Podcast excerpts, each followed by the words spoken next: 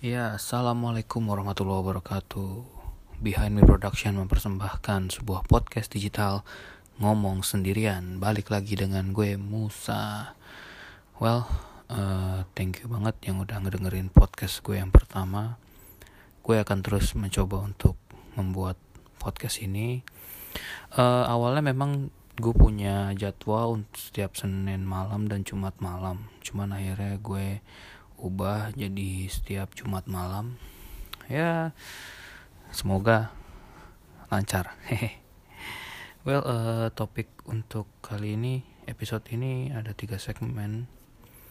Agak sedikit berat dibandingkan episode kemarin yang apa ya yang menurut gue ya pribadi ya. Sekarang kita ngomongin tentang introvert. Pada yang sesi pertama ini gue mau ngomongin tentang introvert sebenarnya ini sebenarnya menurut pakar psikologi dari yang namanya Carl Jung. Ini psikologi dari Swiss apa dari ini ya apa dari Korea ya?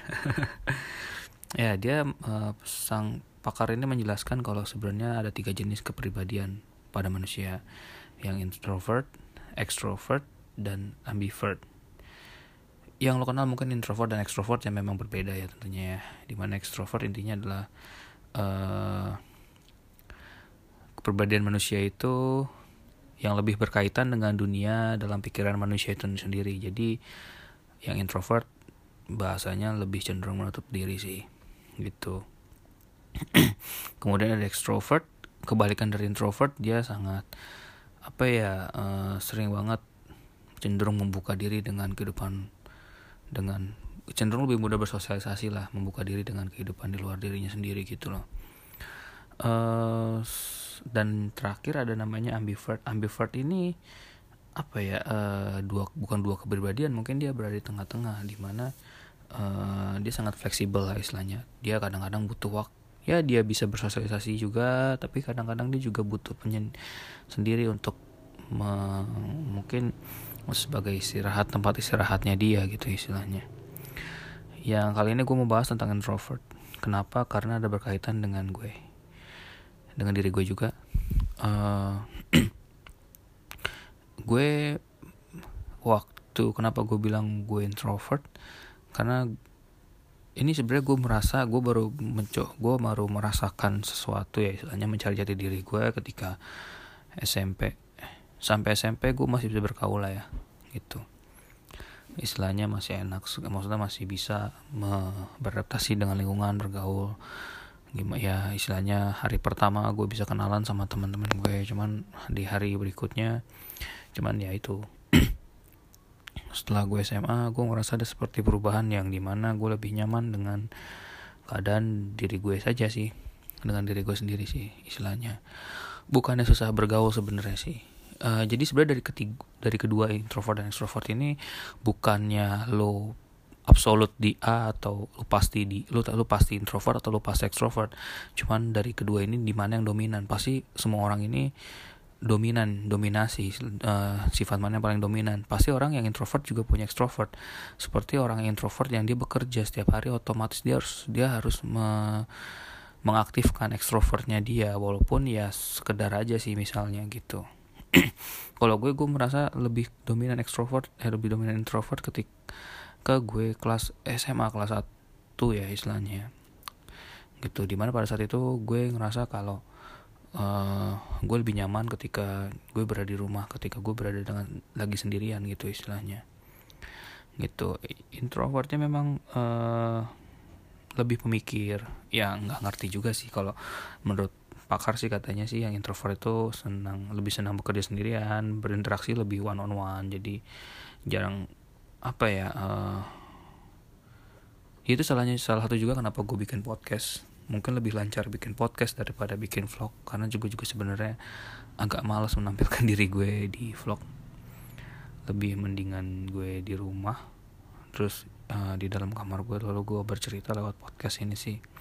Begitu uh, salah satu yang yang ini gue gua gue menjadikan gue disclaimer untuk podcast ini adalah pendapat gue. Jadi pasti lo pernah sebagai mungkin orang yang lebih suka menyendiri atau introvert pernah ngerasain kalau solo traveling itu jadi lebih nyaman lah ya gitu. Gue gue sangat susah punya teman setelah gue SMA itu gue ngerasa gue lebih senang menyendiri. Buat gue butuh adaptasi yang cukup lama dengan lingkungan gue terutama mengenali bersosial, bersosialisasi. Contohnya adalah ketika gue ngekos S1 di Jatinangor. Gue ngekos pertama kali dan itu butuh sekitar tiga butuh sekitar dua bulan untuk gue mengenali teman kosan gue semua siapa pun siapa aja gitu. Gue main ke kamar teman-teman gue ya cowok istilahnya kosan gue kosan cowok khusus cowok gue baru gue apa istilahnya baru bisa mengenali teman-teman gue itu sekitar dua bulan dan awal gitu. Waktu itu ada teman gue yang satu jurusan dan satu kelas ngetok pintu kamar gue ngajak kenalan one on one gue lebih seneng kayak gitu sebenarnya sih gitu. Ya walaupun gue juga nggak ge nggak pengen ger ger amat atau kalau misalnya mereka nggak pengen kenal gue gue juga nggak masalah gitu loh. Itu kalau misalnya mereka mereka dalam ada satu momen di mana kita ngobrol ya mereka juga mereka juga bisa ngobrol gue juga ngob bisa ngobrol ya itu buat gue nggak masalah gitu. Cuman memang gue butuh waktu untuk mengenali lingkungan gue.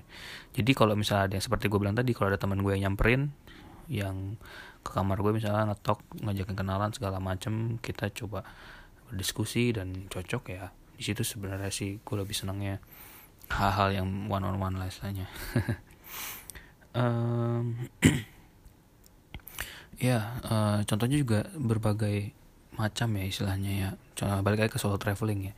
Gue sebagai seorang yang dominan dan dominan sebagai introvert gue mencoba gue sangat menikmati ketika gue solo traveling gitu loh. Uh, ketika gue contohnya contoh kecilnya adalah ketika gue masih kuliah. Waktu gue kuliah itu gue sering banget nggak sering sih gue mengambil kesempatan untuk bolos kuliah hanya untuk pergi ke Jakarta. Pulang ke Jakarta terus gue pergi lagi. Waktu itu jam bukan waktu itu sih waktu itu memang gue suka banget naik Transjakarta itu cuman buat ya sekedar nikmatin perjalanan aja. Macet kah berdiri duduk gitu loh. Gue pernah dari rumah gue di rum, dari rumah gue uh, gue pernah naik koridor 9 tuh Pinang Ranti Peluit ya. Pinang Ranti Peluit itu gue gue naik terus habis itu gue cuma menikmati apa aja gitu loh. Kebetulan gue itu lagi ada lagi coba mencoba untuk buka usaha ada vendor di Taman Anggrek mall Taman Anggrek gue dari situ ke Pluit dari Pluit gue muter ke Taman Anggrek. Gue turun Taman Anggrek gue nyari vendor gue muter-muter aja. Gue tipe orang yang to the point aja sih istilahnya. Gue cari vendor gue gue kenalan ternyata barang yang bagus akhirnya ya sudah. Gue mencoba untuk mem, apa sih ya membeli semacam barang pertama lah ya supply pertama. Stok uh, stok sorry stok pertama barang gue itu tuh tentang merchandise gitu loh. Merchandise ya ya barang-barang Jepang itulah. Waktu itu di Taman Anggrek setelah selesai ya gue menikmati sangat menikmati perjalanan gue dengan Transjakarta. Gue naik motor sampai halte Pinang Ranti. Terus dari Pinang Ranti gue mulai perjalanan gue dengan Transjakarta. Gue tahu itu macetnya setengah mati. Sangat macet. Yang gue tandain memang macetnya itu dari Pinang Ranti sampai ke Komdak atau Semanggi ya. Atau halte Semanggi. Ke sana sih lancar-lancar aja. Sampai Pluit segala macem ya. Sampai ke Centrapak lah gitu. Sampai ke Centrapak di situ dia uh, terus juga ketika gue solo traveling ketika gue sudah jenuh misalnya waktu itu yang gue ingat adalah habis gue sidang proposal S1 uh, eh, gue langsung uh, meng membooking istilahnya buat solo traveling ke Singapura dengan tabungan gue. Kebetulan gue ada tabungan waktu itu karena gue juga jarang jajan juga istilahnya pada saat itu. Dan juga ada sedikit keuntungan dari usaha gue makanya gue coba traveling ke Singapura dan buat gue itu apa ya lebih menarik lah ya. Ketika gue solo traveling gue menikmati banget istilahnya kesendirian gue sih. Gue uh, gue lebih tepatnya senang berada di senang sendirian di dalam keramaian istilahnya gitu. Uh, gimana ya? Ya cuman menikmati me time aja. Kira-kira seperti itu. Hari demi hari juga istilahnya gimana ya? Tentang me time juga pasti mayoritas orang-orang juga menikmati me time tersendiri. Bahkan gak mayoritas hampir semua orang pasti pengen banget ada me time tersendiri istilahnya. Di mana dia ya hanya dirinya sendiri aja gitu loh istilahnya. Dan juga istilahnya makanya me time itu sebenarnya untuk seorang introvert itu sangat dominan tentunya. Kalau orang bilang cuek ya mungkin dari luar kelihatannya cuek sih. Cuman itu tapi di situ cara orang introvert sebagai orang introvert mengenal orang lain adalah dengan bersosialisasi dengan satu satu dengan perseorangan individual jadinya. Kalau misalnya ngobrol ya individual gitu loh. Ngobrolnya ngobrol individual gitu mungkin jarang berkelompok lah istilahnya gitu. Jadinya ya lone wolf. Ketika misal contoh gue gue misalnya gue bilang gue punya relasi si A si, si B si C ketika gue ngomong ke orang lain gitu loh istilahnya. Loh kok mereka tahu gitu loh. Tapi gue jarang banget jalan secara berkelompok istilahnya gitu loh. Jalan contohnya kayak eh kita ngumpul yuk gitu. Itu gue jarang sekali sih istilahnya. Ya walaupun waktu gue kuliah gue juga mencoba untuk menerapkan hal kayak gitu dalam hidup gue cuman kayaknya agak susah gitu loh. Ngomongin soal solo traveling memang uh, gimana ya buat seorang introvert juga solo traveling itu menarik sih memang ya. Di mana dia bisa menikmati dirinya sendiri salah satunya sih mid time terbesar gitu loh. Dan dan tentunya juga di solo traveling juga seorang intro gue di solo saat solo traveling gue mengenal banyak sih. Di situ kalau buat gue adalah solo traveling ada di mana saat saat kita mengenali ber, beradaptasi dengan budaya luar dengan budaya yang sebelum kita kenal gitu loh istilahnya. Nggak cuma di Indonesia sih Indonesia memang gede banget gitu loh. Cuma di negara-negara lain juga gitu loh. Ketika kayak contohnya adalah buat gue soal traveling paling berkesan adalah di Jepang. Buat gue gimana yang ngeliat Jepang itu? Ngeliat Jepang itu mungkin negara yang individualis mungkin istilahnya. Ketika mereka sudah selesai dengan urusan yang mereka masing-masing ya mereka mereka tahu mereka dari di semua dimulai dari diri mereka sendiri. Ketika mereka berbuat baik maka lingkungannya akan baik. Mungkin seperti seperti itu yang mereka terapkan mereka disiplin gitu loh mereka bersih istilahnya seperti itu. Dan juga kalau buat gue ngelihatnya apa ya uh, ya hening aja gitu. Kenapa gue sangat suka ya hening di mana gue bisa menikmati. Walaupun kita tahu jalanan ramai tapi mereka tidak berisik sama sekali. Di kereta pun kita harus juga harus diam. Nggak boleh tidak boleh berteriak bahkan bahkan berteriak pun dilarang di sana. Tidak seperti kebiasaan orang Indonesia yang biasa ngobrol jarak jauh saut-sautannya dengan keras istilahnya gitu. Dan gue juga sebagai orang dan gue pendapat gue juga annoying banget istilahnya mengganggu gue banget istilahnya. Orang yang berbicara kenapa sih nggak lu nggak mendekat aja gitu harus teriak-teriak gitu istilahnya. Seperti itu. Uh, ngomongin tentang time tentunya ada satu hubungan orang gue nggak tahu sih ini me time itu buat gue adalah ketika gue membaca buku gitu loh. Buku buat gue adalah teman gimana enaknya ngomong gue waktu SMP SMA gue dibilang agak nerd sih agak geek gitu lah mungkin sampai sekarang juga kali ya. Agak nerd agak geek gitu. Gimana pada saat gue pada saat itu gue mencoba untuk keluar dari keramaian lah istilahnya. Di mana buku gue bisa menenggelamkan diri ke dalam satu hal yang baru gitu.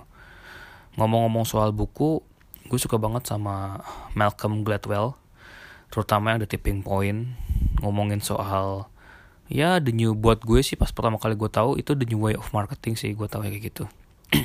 The new way of marketing sih. Dan sekarang ternyata secara tidak sadar Malcolm Gladwell itu bahasanya gimana ya? Bahasanya itu sangat analogis istilahnya. Mereka dia selalu pakai analogis dan dimasukkan ke strategik. Itu yang sebenarnya tapi memang kalau orang bilang lu suka baca apa Malcolm Gladwell Gladwell itu ya bisnis ya ya nggak bisnis juga sih sebenarnya gitu karena memang dia merum karena memang banyak banget uh, bisnis entrepreneur entrepreneur yang memakai analogi Malcolm Gladwell menjadi strategi bisnisnya itu sendiri gitu loh. Salah satu perusahaan pernah interview gue waktu itu. Dia nanya e, kalau lagi sendirian sukanya ngapain misalnya.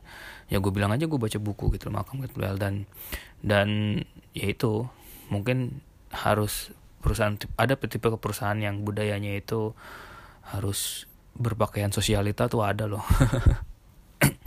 Terus uh, ya dan awalnya gue awalnya gue membaca buku sastra sih sebenarnya. Terutama Profesor Sapardi sih. Dia udah profesor ya mungkin ya? Itu maestro sih. Gue sangat menyukai beliau. Karya-karyanya sangat fenomenal. Ada lagi Pram Pramu Pramudian Antatur ya. Itu bagus gue suka banget yang judul romannya itu bukan pasar malam. Itu terus uh, akhir-akhir ini gue lagi setelah gue mencoba untuk menelaah gue kurang akhirnya ini gue kurang serak sama yang namanya terjemahan sih sebenarnya novel terjemahan. Jadi kalau terutama buku bisnis lah kayak kayak buku-buku bisnis kayak buku-bukunya Michael Porter segala macam buku-buku bisnis yang menurut gue apa ya ya lebih enak dibaca ya lebih enak dibaca ini dibacanya ya bahasa asli gitu loh. Ya memang kita tahu agak mahal sih tapi justru kita lebih tahu apa yang dimaksudkan gitu daripada bahasa terjemahan itu buat gue yang lihat ya. Preferensi gue lebih ketangkap definisi definisi emosi si penulis bahasa aslinya ya seperti itu gitu loh. Kecuali ya gue suka banget sama namanya buku Mukadimah mungkin lo tau Mukadimahnya Ibnu Khaldun. Itu diterjemahin dalam berbagai bahasa. Bahasa bahasa aslinya kan bahasa Arab tuh ya kalau nggak salah. Bahasa Arab kan ya? Ya sejujurnya gue nggak gue gue nggak terlalu ngerti bahasa Arab. Jadinya ya at least paling nggak ya gimana ya istilah gue gue baca bahasa Inggris sih. Ada juga sih yang bahasa Indonesia gitu cuman gue belum gue belum membaca yang bahasa Indonesia nya juga sih gitu. Jadi ya memang uh, buat gue juga ada lagi sih sebenarnya buku bagus tentang introvert judulnya Quiet. Pasti lu semua pernah baca. Judulnya Quiet. Penulisnya Susan Clay Kane ya. Susan Susan Susan Susan Kane. Ternyata gue baru tahu agak ini itu buku powerful juga ternyata ya. Bagaimana seorang introvert bisa apa ya buat gue ya memandangnya memandang sudut su, memandang dunia itu sebenarnya apa ya uh, mungkin kita memang harus belajar empati kali ya sebelum kita ngejudge gitu. Salah satunya gitu loh.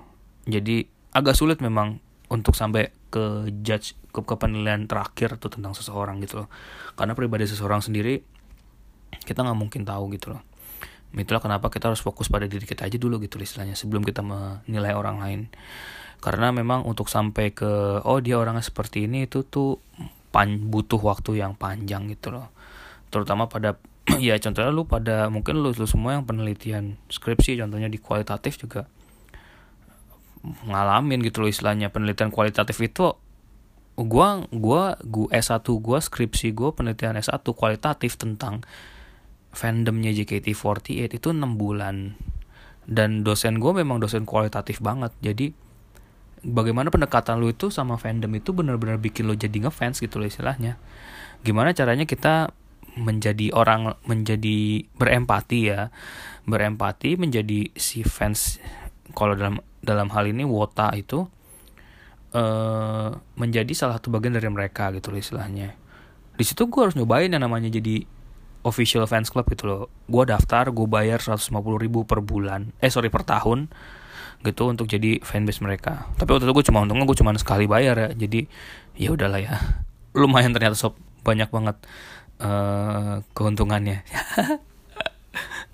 Ya pada saat itu sih gitu. Lu makin makin ke sini apa ya gue juga bukan istilahnya ketika gue ngerjain tugas gitu ya gue lebih senang sendiri gitu istilahnya. Akhirnya gue membuka meja atau nggak di depan meja laptop ya gue kerjain makanya sejujurnya gue sejujurnya agak ke pendapat gue adalah tentang kantor yang punya bilik. Tentang bilik kantor itu sebenarnya nggak terlalu bagus buat gue sih sebenarnya. Di satu sisi adalah uh, in being introvert is being alone. Bukan bukan being alone being introvert introvert is being individual. Individual itu bukan berarti lo dikekang gitu istilahnya. Beda dengan lo dikekang. Kalau lo tahu di bilik kantor itu kan agak dikekang ya nah situ istilahnya buat gue ngeliatnya pengekangan itu sebenarnya agak sedikit apa ya agak sedikit membuat jenuh sih gitu. Walaupun introvert tapi juga dia harus dilihat orang sih sebenarnya. Itu pendapat gue sediam diamnya dia sebagai introvert dia harus juga apa ya melihat orang lain lah ya. Berkenalan dengan orang lain kan nggak mungkin orang pasti kan meskipun dominan di sebagai introvert pasti juga dia pengen tahu lah dunia luarnya itu mendapat gue sih tentang introvert dan buku. Dan pasti buku adalah sahabat. Buat gue sih sebenarnya ngeliatnya adalah sahabat lah istilahnya yang menjadikan yang menemani gue terutama gue di saat gue sendirian gitu bahkan kalau misalnya gue lagi menunggu gue pasti paling gak bawa satu buku lah yang yang buat gue baca paling gak ketika gue menunggu. Gitu sih. Dan ketika gue lagi jalan sama sama orang misal sama cewek gue gitu istilahnya. Itu uh, ya gue berus ya di situ gue bakal menunjukkan ya gue nggak bakal sendirian gitu istilahnya. Gue tetap gue tetap bersosialisasi gitu loh. Tidak kayak diem sama diem nggak nggak se buat gue itu freak sih sebenarnya malah lebih ke aneh gitu. Ya kira-kira seperti itu. Dan lo tau pernah gak sih ini satu pembahasan gue sih sebenarnya di sesi akhir ini sih lo pernah gak sih ngerasa capek memilih gitu loh? Capek memilih gitu. Ketika lo punya kemampuan dan lo harus memilih salah satu lo capek gitu loh istilahnya. Gue gue mempelajari hal ini dan ternyata namanya adalah decision fatigue.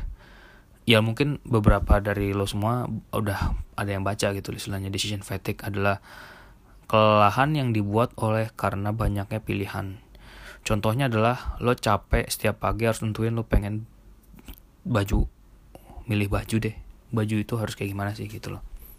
Decision fatigue ini ternyata mempengaruhi juga loh hampir 10% dari mood kita. Mempengaruhi hampir 30% bahkan ke atas untuk mood kita sendiri gitu. Jadi waktu itu gue sempat bikin survei kecil-kecilan sih di Instagram gue at Musa.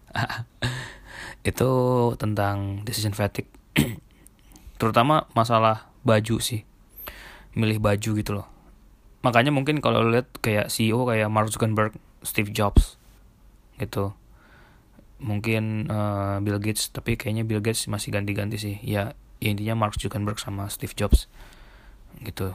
Ya bajunya mungkin gitu-gitu aja kali. Lu lihat mungkin baju gitu-gitu aja gitu. Tidak ada setelan yang baik sih tidak ada setelan-setelan yang eksklusif gitu loh istilahnya. Harus pakai high beast lah of white or something fucking supreme supreme kayak gitulah istilahnya. Tapi buat gue ngeliatnya kayak justru itu malah ya walaupun minimalis tapi memang ternyata mereka ya udah cabut aja gitu loh. Mungkin itu yang mempengaruhi budaya korporasi kali ya jangan-jangan kali ya. Yang sangat trend yang sangat mem memutarbalikan budaya korporasi perusahaan bi dan bisnis tentunya gitu loh. Ketika startup di Indonesia menawar budaya-budaya startup di Indonesia menawarkan contoh kecilnya ada dari seragam gitu istilahnya di mana lu contohnya PNS aja lu masih pakai seragam gitu istilahnya. BUMN juga masih ada yang pakai seragam segala macam apa ada korporasi-korporasi yang masih menentukan seragam baju terutama. Terus abis itu ada muncullah dunia correct me if I'm wrong uh, tiba-tiba budaya startup menerapkan kayak lo bebas lo bajunya penting lo sopan ketika lo pitching ketika lo mengambil investor ketika lo ketika lo ketemu pelanggan bagaimana menunjukkan budaya dan jati diri perusahaan dan terutama orang bisnis ya istilahnya lu menunjukkan diri lu sebagai representatif gitu loh istilahnya. Lelah memilih juga cukup gimana ya gue mulai menerapkan untuk mengurangi decision fatigue gue terutama setiap pagi gitu loh istilahnya. Gitu dan justru orang minimal justru gue lihat lelah memilih itu kalau dibawa ke agamis malah jadi kayak orang yang kurang bersyukur aja sih sebenarnya sama apa yang dia punya sih. Dia mencari apa yang tidak ada pasti kan gitu loh istilahnya. Walaupun itu pada udah ada gitu loh istilahnya. Gue mencoba untuk mempres itu sih sebenarnya dari dimulai dari diri gue sendiri sih. Gue mencoba untuk menekan rasa apa ya istilahnya ya kurang lah istilahnya untuk me, menjauhi perasaan kecapean itu istilahnya decision fatigue itu. Karena ya sama lah ketika uh, lo punya pilihan lo bisa beli laptop A lo bisa beli lo punya modal terus lo bingung lo mau ngapain sama modal itu lo keliling contoh lo mau memang mau beli laptop atau beli HP lah lo ada HP tipe A B C D. Tapi lo bingung mau milih pada akhirnya lo capek dan akhirnya lo ya udah nggak usah. Dan itu ternyata buat gue ampuh sih sebenarnya satu buat gue manfaat fatigue adalah ampuh itu bisa ngepres pengeluaran gue jadi ketika gue pengen beli HP biasanya gue datang ke counter HP itu yang memang yang tidak khusus satu merek saja. Bisa menyediakan beberapa alternatif lah gitu. Ya laptop misalnya. Gue udah ngeliat satu-satu gue pegang satu-satu tuh lama-lama gue bingung terus gue pulang. Karena kenapa? Karena gue pusing. Dan itu ternyata ya buat gue cukup memikirkan aja oh ternyata gue masih punya deh ini masih bisa berfungsi ini deh. Jadi gue nggak perlu mengeluar nggak perlu spending pengeluaran lagi istilahnya. Nggak perlu nggak perlu keluar uang lagi buat membeli sesuatu gitu loh istilahnya mungkin satu sisi di situ ya mungkin ya di situ sih kita ngeliat kalau buat gua sih sebenarnya. Dan ya udah mungkin mak gua kesel mungkin dengan setiap hari mungkin emak gue sempat komentar gini kok kamu pakai baju yang itu itu aja ya? Ya mungkin ada itu sih yang gue lihat itu sih jadi gue yang langsung gue ambil gitu loh. Itu juga salah satu yang cara gue di mana gue mencoba untuk menekan capek memilih gitu istilahnya. Gitu. Ya buat gue juga semua orang semua orang memang punya pilihan gitu loh istilahnya. Semua orang bebas untuk memilih gitu loh tapi juga istilahnya uh, semua orang tapi semua orang juga harus menghormati pilihan orang lain gitu istilahnya sih. Hal kayak gitu semua yang sebenarnya gue ini juga sih. Yang sebenarnya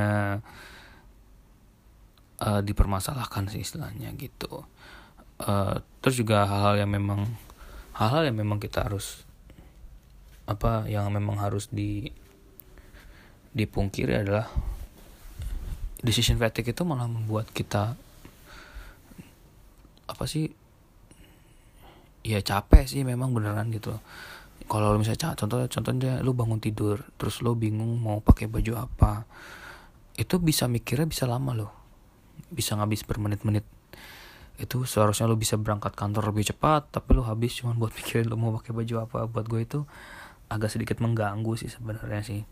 Mengganggu performance juga sih gitu makanya menekan cap kecap kelelahan dalam memilih itu ya perlu lah jadi ketegasan dalam diri kita juga sih sebenarnya. Ada ada masukan yang lain gitu istilahnya gitu. Oke sekian uh, siaran podcast digital. Ngomong sendirian untuk minggu ini. Thank you banget yang udah dengerin. Jangan lupa follow. Dan jangan lupa uh, di follow Instagram gue juga at Musa. Thank you. Wassalamualaikum warahmatullahi wabarakatuh.